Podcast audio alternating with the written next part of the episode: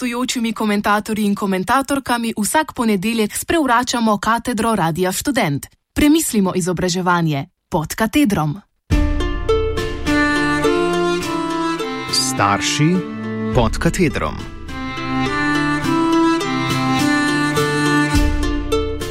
Učitelj. No, učiteljica, ki danes stoji pred katedrom, bi komaj prepoznala nostalgično damo, ki v šolskem muzeju obiskovalcem grozi s palico in kotom. A tokrat ne bomo govorili o klasičnem skupku, permisivni vzgoji, razpuščeni mladini, nemoči pedagoga, nesmiselni snovi. No, malo tudi o tem, večinoma pa ne. Kar se tiče tega, nam vedno ostane upanje, da bodo naši otroci vsaj kreativni, če že ne bodo razgledani.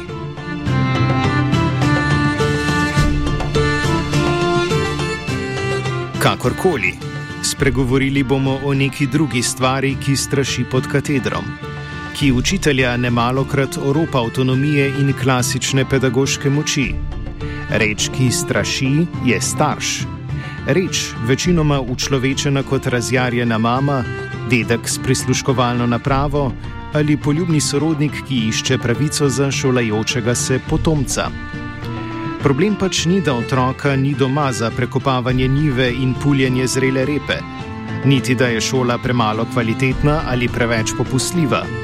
Starši večinoma prihajajo zaradi domnevne nepravičnosti do otroka.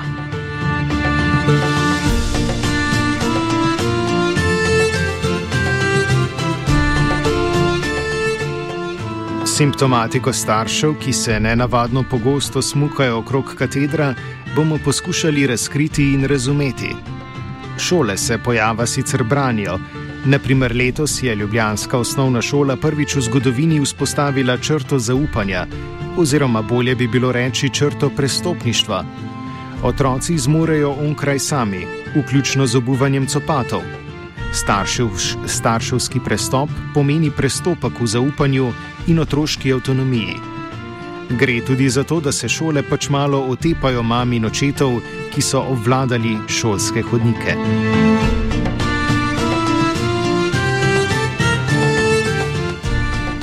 Hkrati pa šole fenomen blago generirajo s posegi, kakršna je e-redovalnica ki razen praktične ozaveščenosti vodi v porast že tako problematičnih nadzornih starševskih praks. Na blogih potem beremo, da je e-assistent super in mislim, da bi ga morali imeti vsi starši. Otroci bi se naučili poslušati, ne pa da nam lažejo. Treba jih je kontrolirati, saj samo tako lahko zagotoviš, da pozneje v življenju ne bodo delali neumnosti.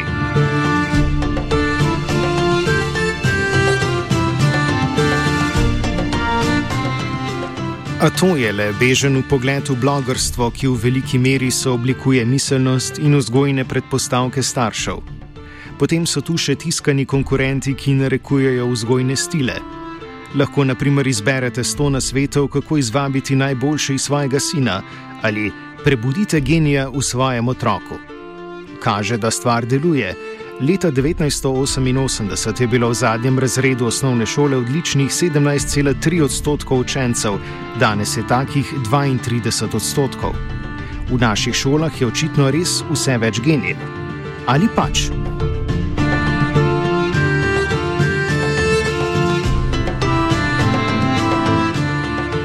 Skratka, ko dr. Zgaga izjavi, da je izobraževanje v moderni postalo na nov in mnogo širši način stvar javnosti, v resnici zariše polje, ki po moderni postane še bolj razvejeno in zapopade še večjim vplivom javnosti. Blogerstvo in trivialna pedagoška literatura narekujejo starševstvo, slednje pa v vse večji meri kulturo šole.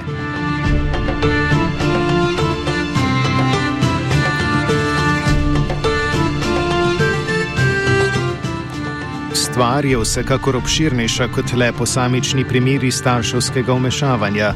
Gre za družbene spremembe, ki se v šoli usiljujejo in jo spreminjajo. Paradoksalno se postmoderna šola kljub zahtevi fleksibilnosti in inovativnih praks komaj da sooča s spremenjenim starševstvom in socialnim ozračjem, ki se mu uklanja.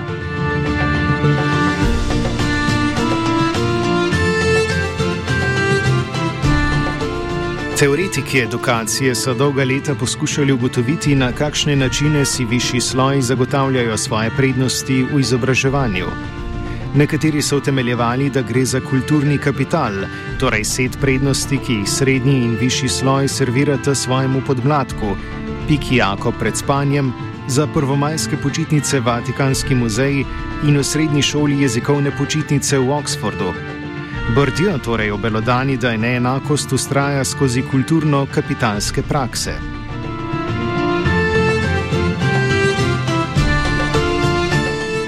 Pa Bernstein o jezikovnih kodih, o tem, da šolsko polje preferira jezik srednjega in višjega sloja, delavskega pa ne vdejanja ali ga izriva iz kurikuluma. Še kasneje Randall s teorijo o nazivih, o tem, da višji sloj vedno iznajde nove postdoktorske in post-postmagisterske študije, ki bodo ne na zadnji izčistili te, ki si lahko privoščijo šolanje v nedogled.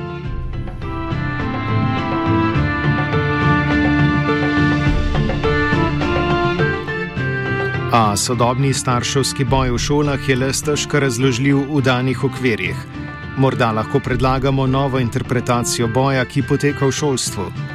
Srednji in višji sloj na podlagi množičnosti študija, razvrednotenja dosedanje kulturne naložbe in klasične intelektualne prednosti izgubljata head start za svoje otroke. Vendar le pa se v slovenskem edukacijskem blodnjaku izriše, kaj je dobro in zaželeno, kaj vodi k uspehu in kaj v podpovprečno študijsko pot.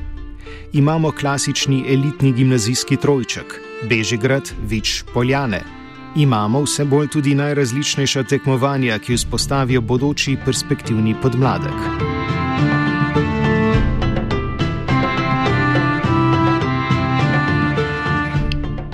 Tako se starši, ki so včasih bitke za mesta svojih potomcev bili izven šole, sedaj obračajo na institucijo samo.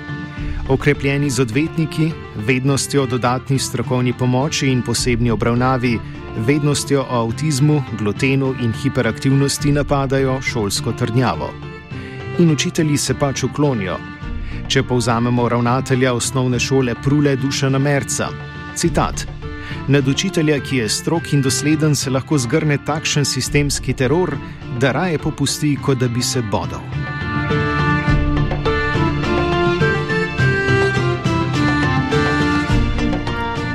Ne elaboriran kot ne kulturni kapital, temveč starševsko vmešavanje je tisto, ki prinaša prednost sodobnemu srednjeslojniku.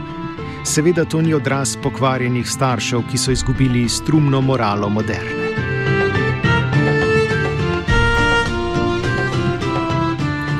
Je pač simptom časa, ki ga, kot navaja Giddens, obvladuje negotovost, kjer si za usodo, brezposelnost in neuspeh kriv sam in na zadnje so za propad svojih otrok obdolženi starši.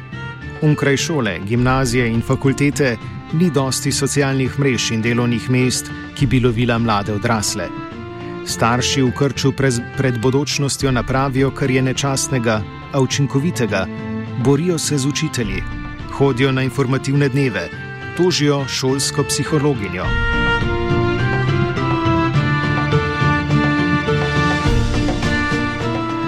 Renner ugotavlja, da je moderna družina šolske in v splošnem družbene norme ponotranjila, jih kot diktat odraščanja izstavila svojim otrokom. Šola je bila razumljena kot prva institucija, ki otrokom omogoča neizbežni odhod v svet, katerega pravila morajo sprejeti in katerega frustracije morajo preživeti.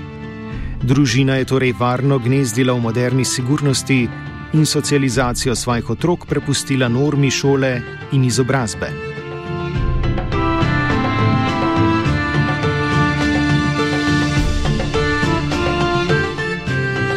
Postmoderna družina, po drugi strani, ki jo tudi otroci vse bolj dojemajo kot varno zavetje pred družbenim viharjem, pa javne institucije razume kot grožnjo integriteti.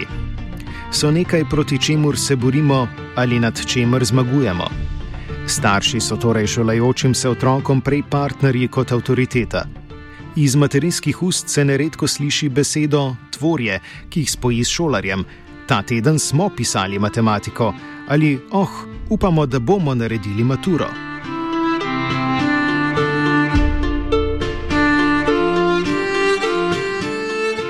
Kako v šoli povrniti zgodovinsko institucionalno gotovost, vlogo in avtonomijo, je vprašanje, ki se ponuja samo. In kako obveznost in šolsko delo vrniti otroku. Vendar pa je, kot povdari Apple, šolske ideologije pomembno razumeti ne kot stvari, ampak kot družbene procese.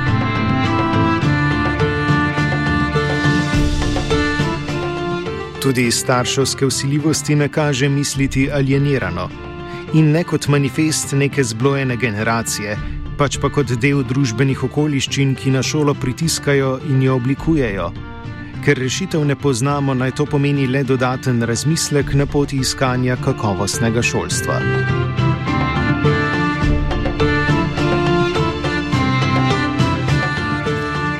Izpod katedra so kukali vajenci.